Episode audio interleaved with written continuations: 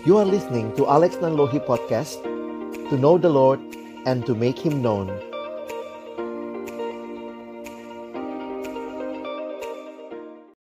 Mari kita berdoa sebelum membaca merenungkan firman Tuhan. Bapa di dalam surga kami datang dalam ucapan syukur siang hari ini.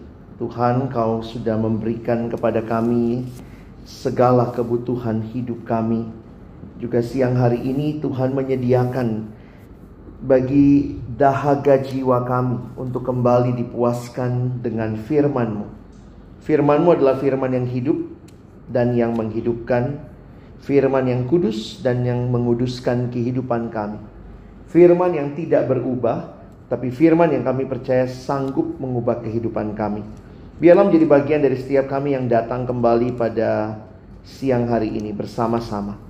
Kami akan membuka firman-Mu dan biarlah Kau juga yang buka hati kami, jadikan hati kami seperti tanah yang baik supaya ketika benih firman Tuhan ditaburkan boleh sungguh-sungguh berakar, bertumbuh dan juga berbuah nyata di dalam hidup kami. Berkati hambamu yang menyampaikan, setiap kami yang mendengar, Tuhan tolonglah kami semua agar kami bukan hanya jadi pendengar-pendengar firman yang setia, tapi mampukan dengan kuasa dari rohmu yang kudus, kami dimampukan menjadi pelaku-pelaku firman-Mu di dalam kehidupan kami. Dalam nama Yesus, Sang Firman yang hidup, kami menyerahkan pemberitaan firman-Mu. Amin. Shalom. Selamat siang Bapak Ibu sekalian. Bersyukur boleh bertemu kembali. Hari ini sama-sama kita akan melihat Mazmur 22.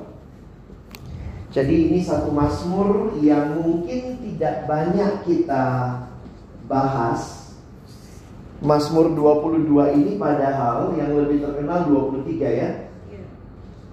Tapi ternyata Mazmur 22 adalah salah satu Mazmur yang paling banyak dikutip di perjanjian baru. Jadi kalau kita nanti lihat referensi-referensinya itu lebih banyak daripada bahkan Mazmur 23 yang kita tidak menemukan um, referensi khusus di dalam perjanjian baru tentang hal ini. Bahkan kalimat Yesus, Allahku, Allahku, mengapa engkau meninggalkan aku berasal dari Mazmur ini. Yesus menyerukan kalimat itu dari kayu salib menyatakan apa atau menggemakan apa yang ditulis Daud.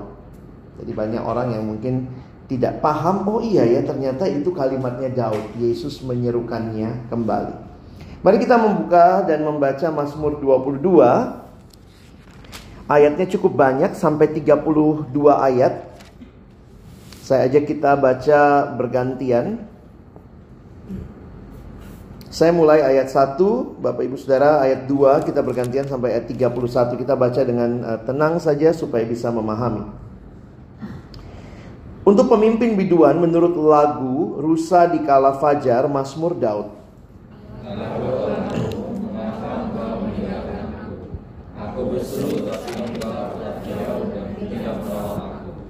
Allahku, aku berseru-seru pada waktu siang, tetapi engkau tidak menjawab. Dan pada waktu malam, tetapi tidak juga aku tenang.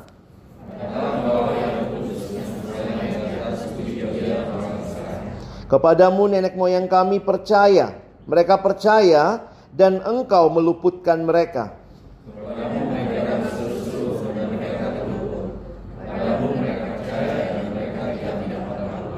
Tetapi aku ini ulat dan bukan orang.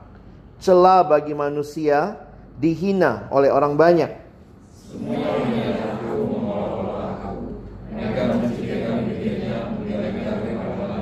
Ia menyerah kepada Tuhan, biarlah dia yang meluputkannya. Biarlah dia yang melepaskannya. Bukankah dia berkenan kepadanya? Ya,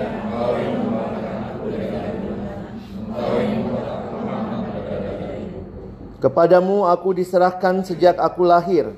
Sejak dalam kandungan ibuku, engkaulah Allahku.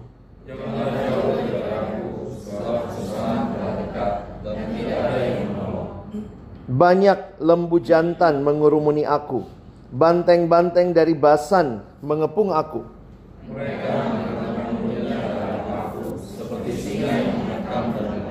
seperti air aku tercurah dan segala tulangku terlepas dari sendinya. Hatiku menjadi seperti lilin, hancur luluh di dalam dadaku.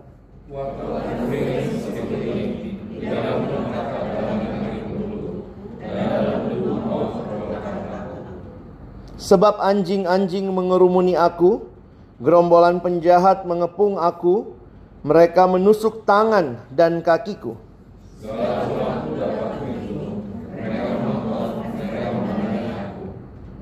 Mereka membagi-bagi pakaianku di antara mereka dan mereka membuang undi atas jubahku.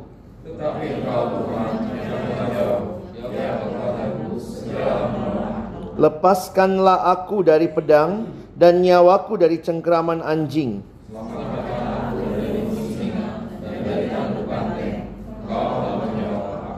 Aku akan memasyurkan namamu kepada saudara-saudaraku dan memuji-muji engkau di tengah-tengah jemaah.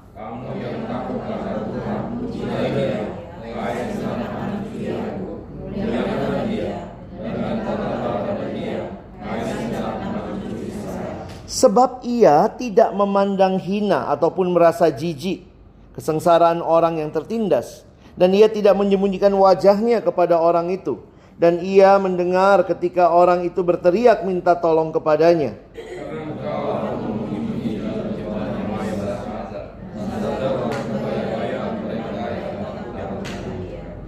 Orang yang rendah hati akan makan dan kenyang. Orang yang mencari Tuhan akan memuji-muji Dia. Biarlah hatimu hidup untuk selamanya.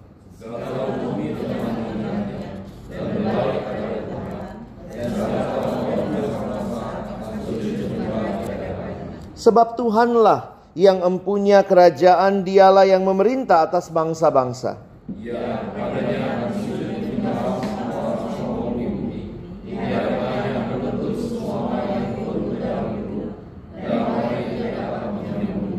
Anak-anak cucu akan beribadah kepadanya dan akan menceritakan tentang Tuhan kepada angkatan yang akan datang.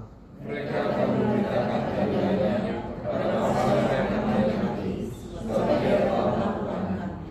Nah, waktu Bapak Ibu tadi baca mungkin mendapat sedikit gambaran begitu ya bahwa benar ini memang ternyata Mazmur yang paling banyak dikutip di Perjanjian Baru.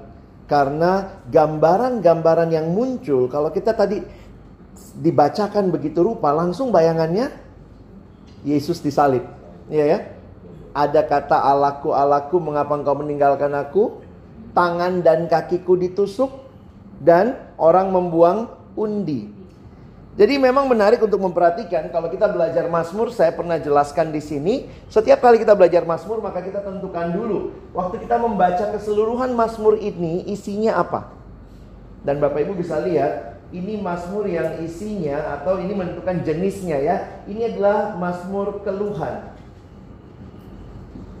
atau ratapan kepada Allah minta pertolongan. Apa yang menarik di dalam tradisi umat Israel, mereka tidak hanya mengenal Taurat yang isinya adalah perintah-perintah. Mereka tidak hanya mengenal kitab-kitab yang isinya kitab nabi-nabi misalnya yang adalah uh, nubuat-nubuat. Mereka tidak hanya mengenal ada cerita-cerita, tapi juga mereka mengenal bentuk puisi. Nah, seperti kita tahu bahwa karena puisi maka kembangkan imajinasi kita. Ada banyak hal di dalam puisi ini mungkin bukan menceritakan kisah aslinya secara detail, tetapi memberikan gambaran emosional tentang peristiwa itu. Jadi kalau kita misalnya membaca ada orang ketangkep begitu ya, mungkin kalau puisinya akan mengatakan seperti rasanya orang ditinggalkan oleh semua orang. Padahal kan ceritanya dia cuma ditangkap. Tapi puisi memberikan gambaran untuk membangkitkan emosi kita. Karena itu memang tujuannya puisi. Karena itu bacalah kitab Mazmur, puisi ya sebagai puisi. Ada orang baca kitab Mazmur dia jadiin kitab matematik. Di mata Tuhan seribu hari sama seperti satu hari itu dia kali-kali. Seribu Allah menciptakan enam hari kali seribu, enam ribu hari. Ya ampun itu mah nggak begitu ya. Jadi cara kita menghayati bahwa satu dengan seribu itu menunjukkan perbandingan yang sangat jauh. Nah apa yang menarik di dalam kehidupan umat Allah? Setiap kali mereka mengalami pergumulan, mereka datang kepada Allah yang hidup. Jadi kalau ditanya, boleh nggak mengeluh? Boleh nggak meratap? Kalau lihat di Alkitab malah justru banyak ratapan, keluhan. Tapi yang menarik adalah mereka meratap dan mengeluh kepada Allah. Ini saya pikir yang sangat membedakan dengan mungkin kalau kita membandingkan keluhan kita. Kita ngeluhnya sama medsos. kita ngeluhnya sama uh, Instagram, Twitter begitu ya. Atau di WA group begitu ya, di WA story, di status gitu ya. Mereka ber, mengeluh, datang mencurahkan isi hati, tapi yang menarik mereka datang kepada pribadi yang tepat. Karena itu, biasanya akhir dari masmur-masmur ratapan keluhan selalu ada solusi. Selalu ada ketenangan. Karena mereka memang datang kepada Allah. Dan Allah itu menjawab, memberikan apa yang mereka butuhkan. Nah Bapak Ibu, kalau perhatikan Mazmur 22 ini, beberapa orang biasa membaca Mazmur ini di dalam masa menjelang Jumat Agung. Jadi memang salah selain Mazmur ini uh, Mazmur kalau Mazmur 2, kalau Bapak Ibu nanti baca Mazmur 2, itu justru biasa dibaca pada waktu Paskah. Dan itu Mazmur kemenangan raja yang memerintah. Jadi sudah menang. Tapi Mazmur 22 dalam tradisi gerejawi, minggu depan sebenarnya kita sudah masuk kepada Rabu Abu. Maka Mazmur-Mazmur seperti ini yang biasanya berbicara secara mendalam passion atau penderitaan yang dialami oleh Kristus. Nah, Mazmur seperti ini juga karena biasanya dikaitkan dengan Kristus, ini disebut sebagai Mazmur-Mazmur mesianik. Karena menceritakan atau di, dihayati penggenapan utama dari Mazmur ini adalah dalam hidupnya Kristus.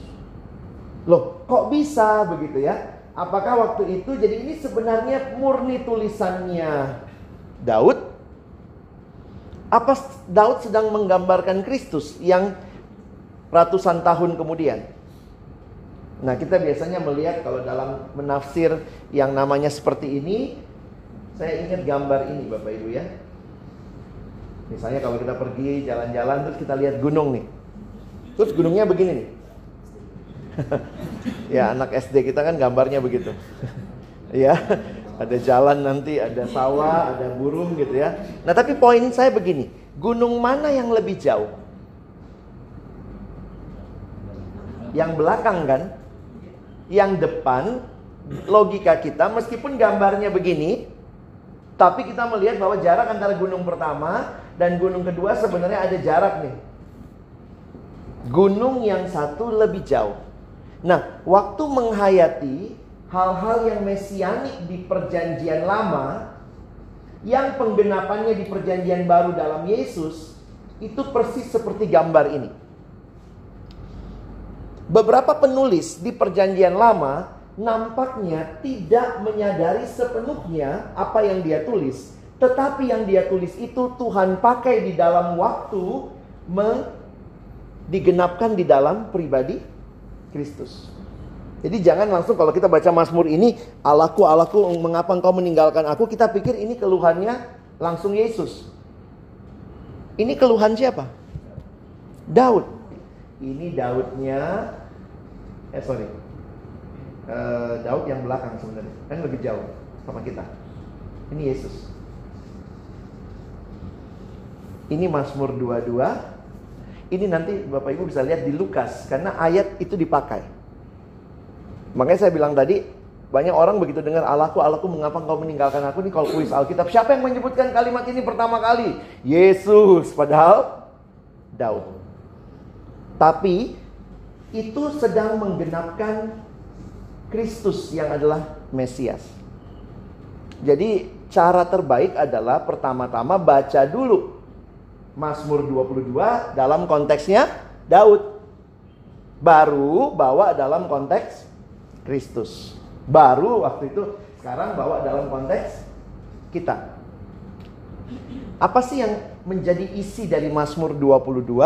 Sebenarnya cuma dua bagian ya kalau kita baca secara sederhana, secara cepat. Pertama ada komplain, lalu ada pengharapan kepada Tuhan. Kalau Bapak Ibu perhatikan, kalau di sini saya tulis, um, saya pakai satu buku, dia dia bagi tiga sebenarnya ya. Dia bilang sebenarnya the the first two parts itu fokus kepada komplain. Dia memasukkan itu mulai dari yang ini ya saya bagi ya. Kalau ayat satu kan judul.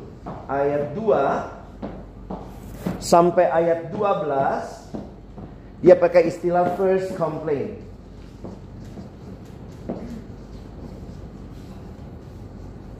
Ini komplain pertama. Nanti dari ayat 13 sampai ayat 22 ini yang second complaint. Dan nanti bagian ketiga Bapak Ibu bisa lihat mulai dari 23 sampai 32 dia pakai istilah celebrating celebration of victory.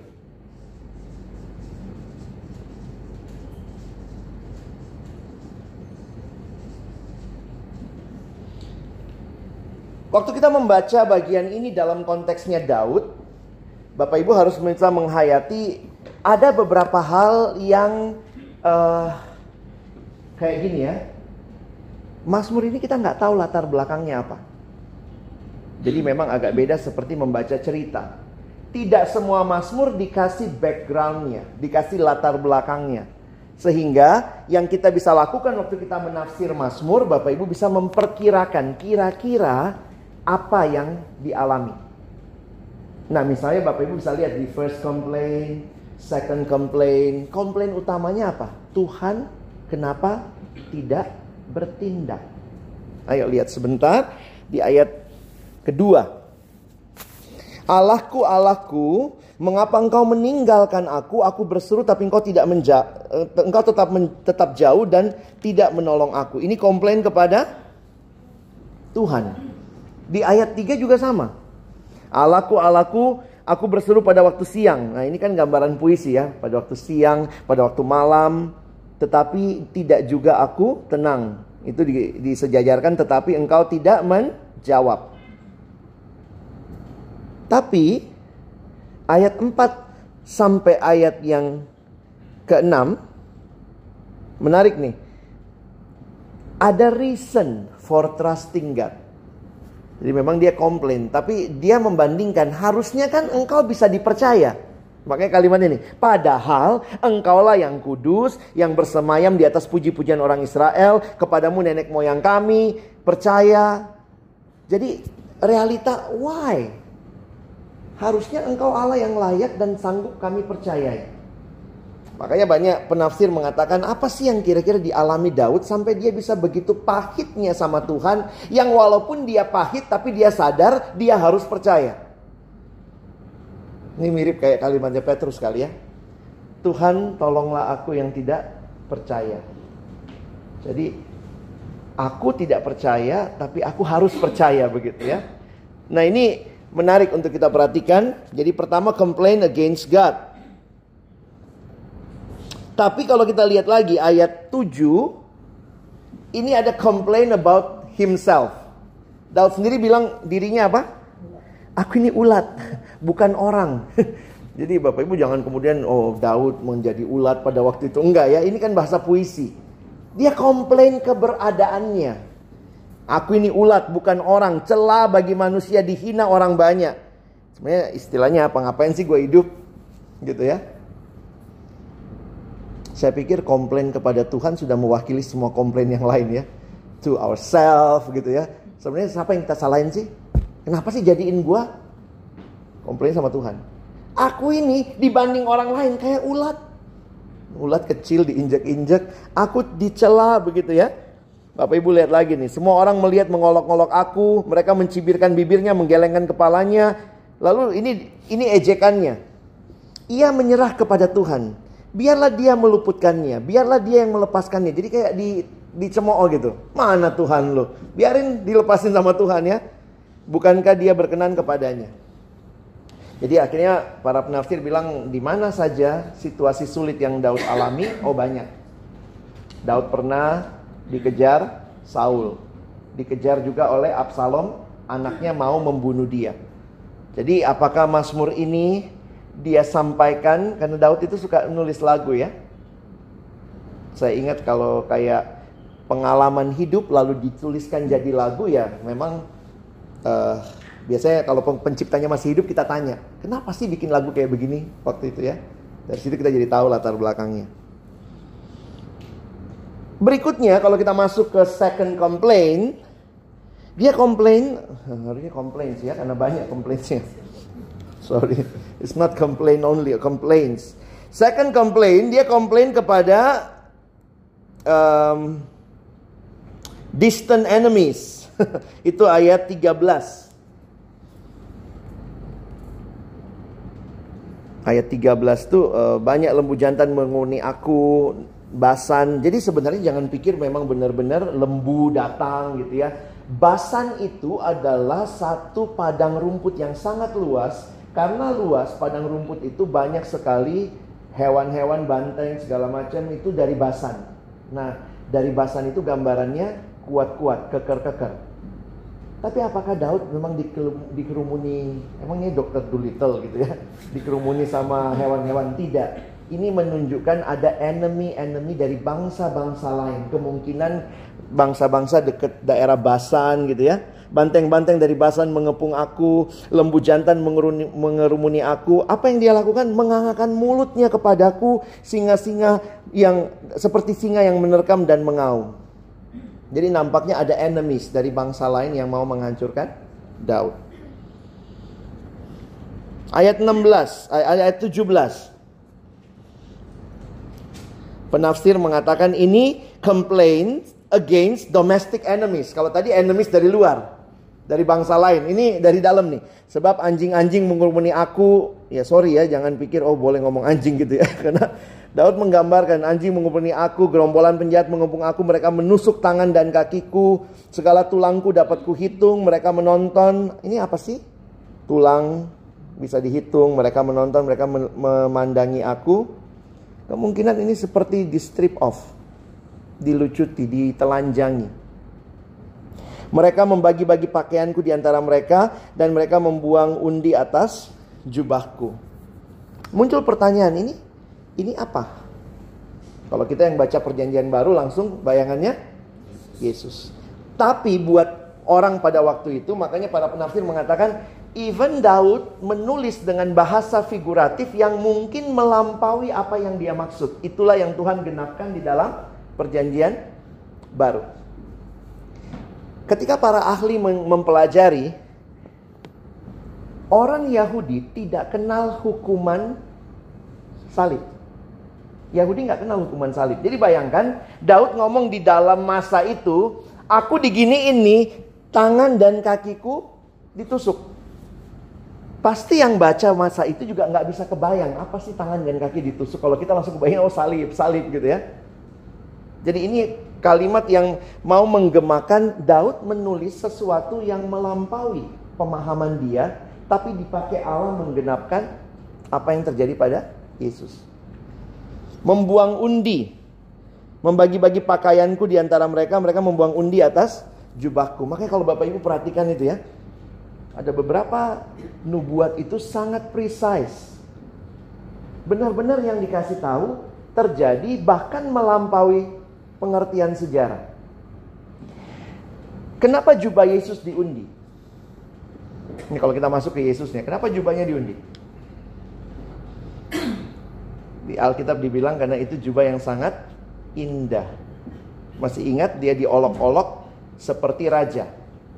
Dia dibilang, oh ini raja orang Yahudi, dia dikasih jubah ungu. Lalu jubahnya diundi. Nah pada waktu perjanjian baru pun sebenarnya menarik tuh. Kebiasaan prajurit Romawi itu superstitious mereka. Kalau habis menyalibkan orang, maka orang yang disalib jubahnya itu harus dibagi di antara yang menyalibkan supaya nggak didatangin arwahnya. Itu superstitiousnya mereka. Makanya tidak ada dalam logika masa jubahnya nggak diundi. Eh, masa jubahnya diundi nggak dibagi-bagi. Menarik loh, Alkitab mengatakan jubah Yesus karena indah, mereka tidak jadi bagi di antara mereka tapi di diundi. Dan jauh sebelum itu Daud menuliskan jubahnya diundi. Ini kalau belajar probabilita ya. Ini nggak bisa kita bilang ini just coincidence. It's too much for just a coincidence. Nggak mungkin cuma kebetulan. Tapi ya Daud mungkin menggambarkan bagaimana dia ditelanjangi, dilucuti gitu ya. Dan ini complaints because from distant enemies. Uh, domestic enemies ya. Uh, orang-orang dari dalam yang me menghadang dia. Dan saya pikir ya termasuk kan Absalom itu orang dalam ya. Anaknya sendiri tuh mau bunuh dia. Belum lagi beberapa prajurit yang berontak kepada Daud. Jadi komplainnya lengkap. Waktu lihat ini sebenarnya itulah juga komplainnya kita. Tuhan, kenapa kau meninggalkan aku? Ini lihat nih, orang-orang di sekitarku melakukan ini, bahkan orang terdekatku melakukan ini. Saya pikir itu semua gambaran pergumulan hidup kita. Tapi kembali lagi, Daud mengeluh, meratap, dia datang kepada pribadi yang tepat. Jangan mengeluh meratap tapi tidak datang kepada Allah yang memberikan kelegaan itu. Pada akhirnya ayat 23 sampai 32 ini isinya sudah masuk kepada celebration of victory. Kalau Bapak Ibu perhatikan gitu ya. Aku akan memasyurkan namamu kepada saudara-saudaraku. Ya elah, tadi aja masih ngeluh gitu ya. Aku nggak mau ini. Mana Tuhan? Ini lihat nih semua di dekatku. Tapi ini malah aku akan memasyurkan namamu pada saudara-saudaraku dan memuji-muji engkau di tengah-tengah jemaah. Kamu yang takut akan Tuhan, pujilah dia. Hai segenap anak cucu Yakub, muliakanlah dia dan gemetar gentarlah terhadap dia hai segenap anak cucu. Nah, sampai ke bawah lah nanti Bapak Ibu baca. Tapi ini semua mau menyatakan bahkan ini declaration not only for himself tapi juga bagi kaum keluarganya, bahkan bagi bangsanya, dan bagi bangsa-bangsa lain. Ketika orang yang mengeluh dalam pergumulan yang berat, Tuhan menjawab pergumulannya. The joy is not only for himself or herself, tapi juga bagi orang-orang di sekitarnya. Bahkan lihat ayat 32, seorang penafsir mengatakan even for the next generation. Ya. Mereka akan memberikan memberitakan keadilannya kepada bangsa yang akan lahir nanti sebab ia telah melakukannya. Ada pujian yang mengatakan I will sing the mercies of the Lord to the next generation. Maksudnya terus menyanyikan kemuliaan Tuhan dari turun temurun. Kenapa kita bisa mengalami kemenangan yang sama? Saya pikir justru karena Kristus yang sebenarnya mengalami semua keluhan yang kita harusnya keluhkan. Seruan Allahku, Allahku, mengapa engkau meninggalkan aku itu seruan manusia itu. Bayangkan gimana bisa Allah Yesus bicara kepada Bapaknya, bukankah dia dan Bapaknya satu? Makanya secara teologis itu sulit sekali dipahami. Bagaimana kita bisa memahami Allah uh, Yesus bicara kepada Bapaknya, Allahku mengapa engkau meninggalkan aku? Tapi ternyata Yesus menggemakan apa yang dialami oleh Daud. Dan bukan hanya Daud, ini semua yang kita manusia alami. Untuk sementara waktu, secara teologis dijelaskan, untuk sementara waktu tanda kutip, Yesus terpisah dengan Bapaknya. Mengalami maut supaya kita yang percaya kepadanya boleh hidup yang kekal. Salah seorang hamba Tuhan mengatakan, karena Yesus telah berseru di kayu salib, Allahku, Allahku, mengapa engkau meninggalkan aku? Kita tidak perlu lagi menyerukan hal itu. Dalam Kristus kita memperoleh jalan masuk kepada keselamatan. Jadi sebenarnya memasuki masa prapaskah Waktu kita sedang menyiapkan hati, mengingat kembali kematian, pengorbanan, penderitaan Kristus, di beberapa gereja disebut masa Lenten. Ada renungannya khusus dibagi ayat-ayat yang diambil biasanya mengingatkan passionnya Kristus, pengorbanan Kristus. Di beberapa gereja ada juga aksi puasa. Puasanya bukan cuma puasa makan. Ada yang memang menerapkan puasa daging, puasa ini, ada yang seperti puasa macam-macam, tapi saya juga lihat mulai ada puasa medsos, puasa ngomong gitu ya. Puasa julid, puasa gibah ya. Puasa drama Korea dulu gitu ya. Puasa game online. Nah, itu sebenarnya untuk mengingatkan kita sebenarnya bahwa apa yang sebenarnya saudara dan saya keluhkan Tuhan sudah menjawabnya. Bahkan more than we expect. He gave his only son sehingga kita bisa memperoleh keselamatan yang kekal.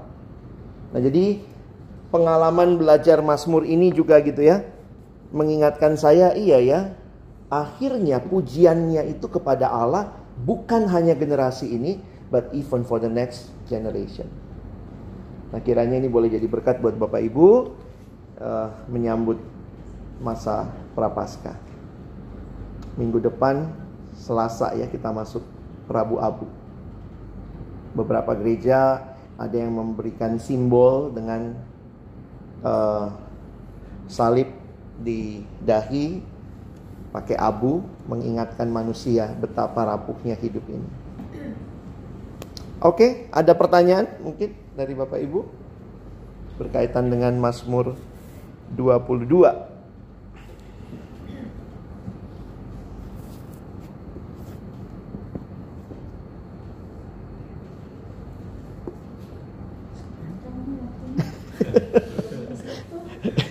Belum yang satu ya, aduh. Saya banyak bicara di anak remaja sekarang makin singkat. Karena kalau panjang kita ngomong sendiri, dia tidur. Katanya maksimum uh, ininya attentionnya itu sekitar 15 sampai 20 menit. Silakan Bapak Ibu kalau mungkin ada yang mau ditanyakan. Iya boleh, nggak mesti ini saja.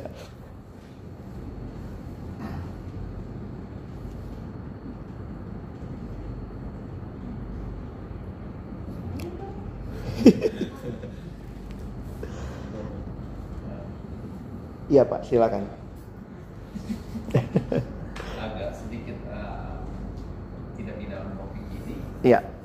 Uh, mengenai kebangkitan Yesus sendiri pada Matius 27 ayat 52 atau ini menggambarkan konteks seperti apa kalau tadi kan ini puisi kalau Matius menulis itu di dalam kitab Matius 27 52 kubur-kubur terbuka dan orang suci bangkit dari cara penulisannya itu sebuah puisi atau fakta ya kan Yang jelas ini cerita, maksudnya jenis secara umum ini narasi, jadi itu sesuatu yang berdasarkan fakta. Nah, apakah memang terjadi seperti itu? Saya berada, jadi ada banyak pandangan lah dalam gereja, dalam teologi ya. Saya berada pada posisi ya terjadi. Real, ada kebangkitan pada waktu itu pada waktu itu. Tapi, nah ini bedanya ya. Mereka bangkit bukan nggak bisa mati. Ya. Ini bangkitnya sama seperti yang dialami oleh Lazarus. Lazarus. Dia bangkit, tapi habis itu ya nanti mati lagi. Tapi pada waktu itu dikatakan ya, kubur-kubur terbuka ayat 52 ya. Kubur Matius 27, Bu. Dan kubur kub- dan kuburan-kuburan terbuka ayat 52 dan banyak orang kudus yang telah meninggal bangkit. Itu gempa kan di dalam kronologis begitu kan jadi uh, kubur itu terbuka batu-batu penutup kuburan terbuka nah, apa benar-benar bangkit atau jenazahnya yang berdiri itu Tapi kalau jenazahnya berdiri tetap mati kan, Pak? Ini kalimatnya bangkit.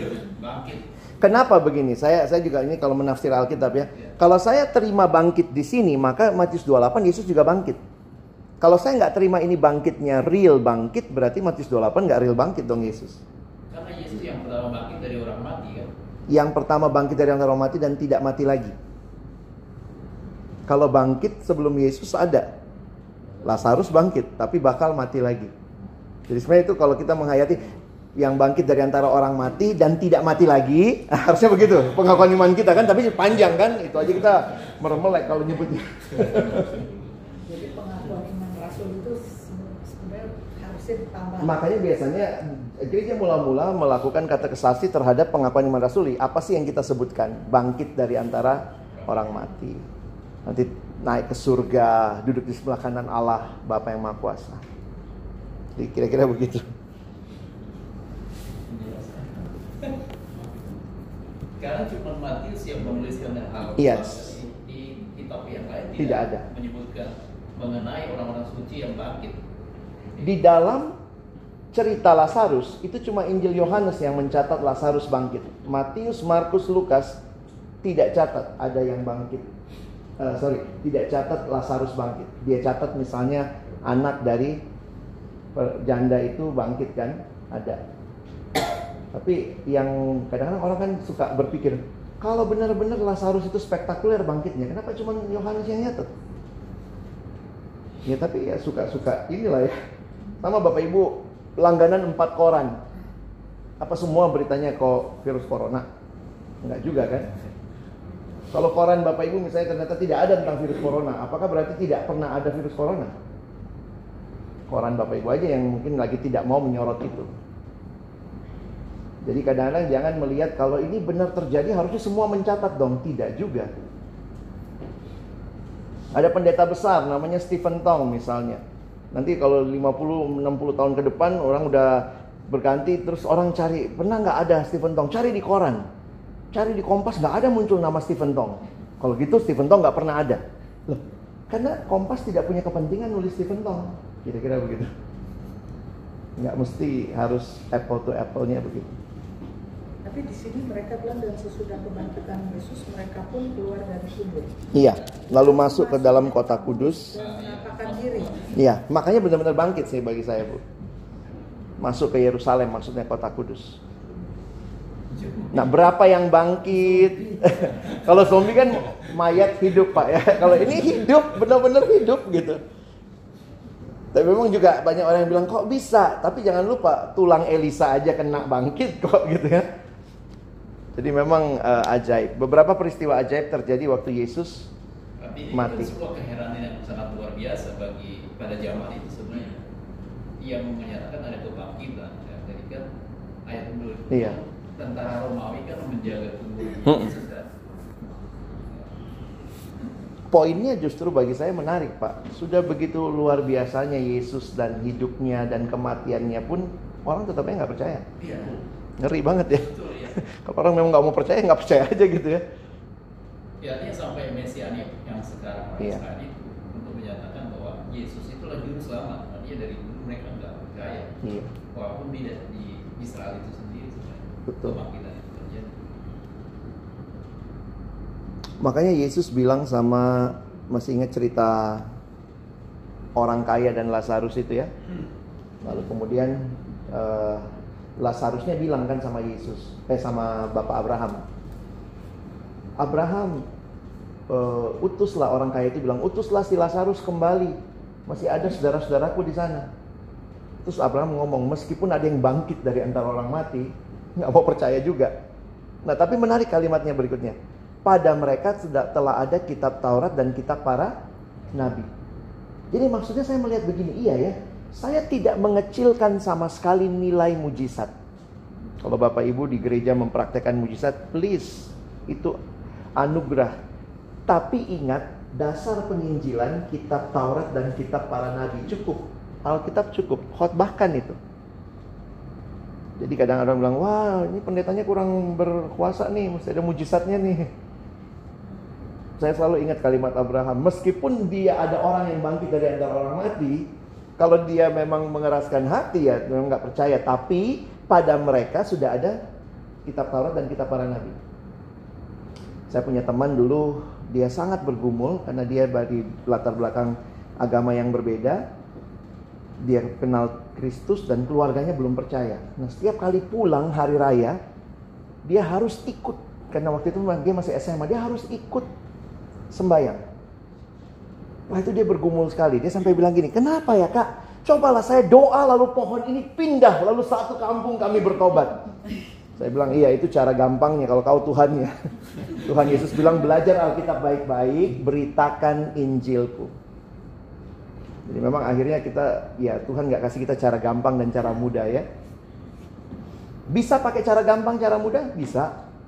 Ada beberapa orang keras banget hatinya, tahu-tahu sakit, disembuhkan, mujizat terjadi, percaya Yesus. Tapi orang yang percaya itu harus dibimbing kenal Tuhan melalui firman. Makanya silakan kalau kita bicara mujizat tapi jangan lepaskan dari pemberitaan firman. Itu ada kalimatnya sebenarnya di dalam uh, coba kita lihat Markus 16 Markus terakhir ayat terakhir 16 ayat 20 ya.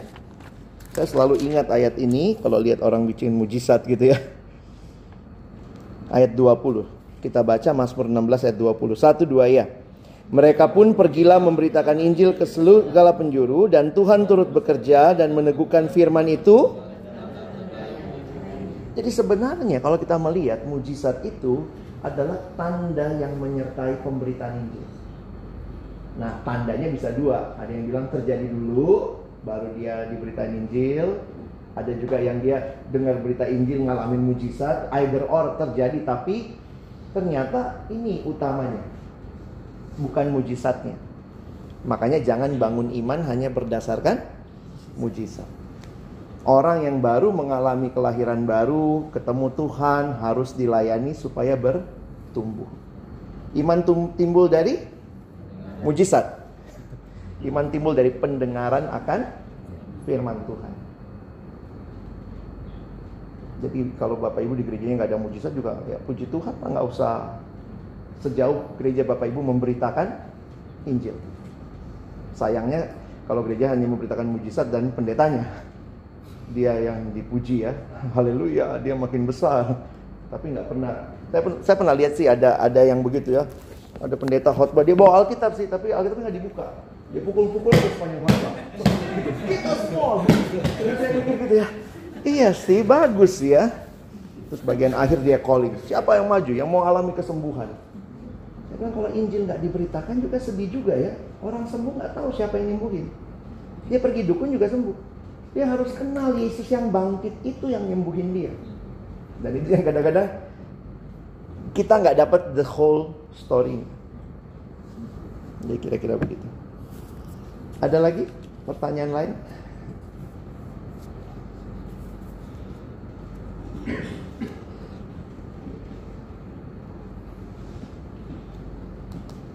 Ada yang coba baginya menarik juga sih ya. Saya kasih satu pendekatannya. Ini kalau uh, apa? Karena dia puisi, jadi banyak orang melihat pendekatan khususnya dalam penggenapan perjanjian barunya. Sebenarnya dia bilang kalau kita lihat dari ayat 2 sampai ayat 22 itu kalau kita lihat dalam kaitan dengan Kristus ini ayat-ayat tentang crucifixion. Nah, ini langsung memang dia ke PB-nya. Nanti ayat 23 sampai ayat 27 ini bicara apa kira-kira? Habis crucifixion what happened? Yes. resurrection. Nanti Bapak Ibu baca lagi tuh ayat. Ih, bisa juga ya. Iya ya, ini resurrection nih. Engkau tidak engkau membangkitkan aku. Memang nggak pakai kata bangkit gitu ya. Resurrection. Sorry ini R-nya 2 ya. 28 sampai 32. What happened after Jesus resurrection? Naik ke surga. Duduk di sebelah kanan Allah Bapak jadi apa? Raja. Coronation. Penobatan. Bukan bukan bukan virus corona ya. Coronation. Jadi menarik juga waktu saya baca dengan pendekatan ini, Iya juga ya bagian akhir kan Engkaulah Allahnya bangsa-bangsa Semua orang, semua bangsa akan datang kepadamu Bahkan generasi yang sesudahnya Memuji engkau sebagai King Jadi waktu saya perhatikan iya juga ya memang uh, orang bilang mana ada di Alkitab tentang Uh, mana ada di perjanjian lama tentang penyalipan? Ini ada. Bagian ini tangan, kaki gitu ya. Bagian mana di Alkitab yang bicara soal kebangkitan? Sebenarnya dalam iman bisa kita terima ayat ini, resurrectionnya.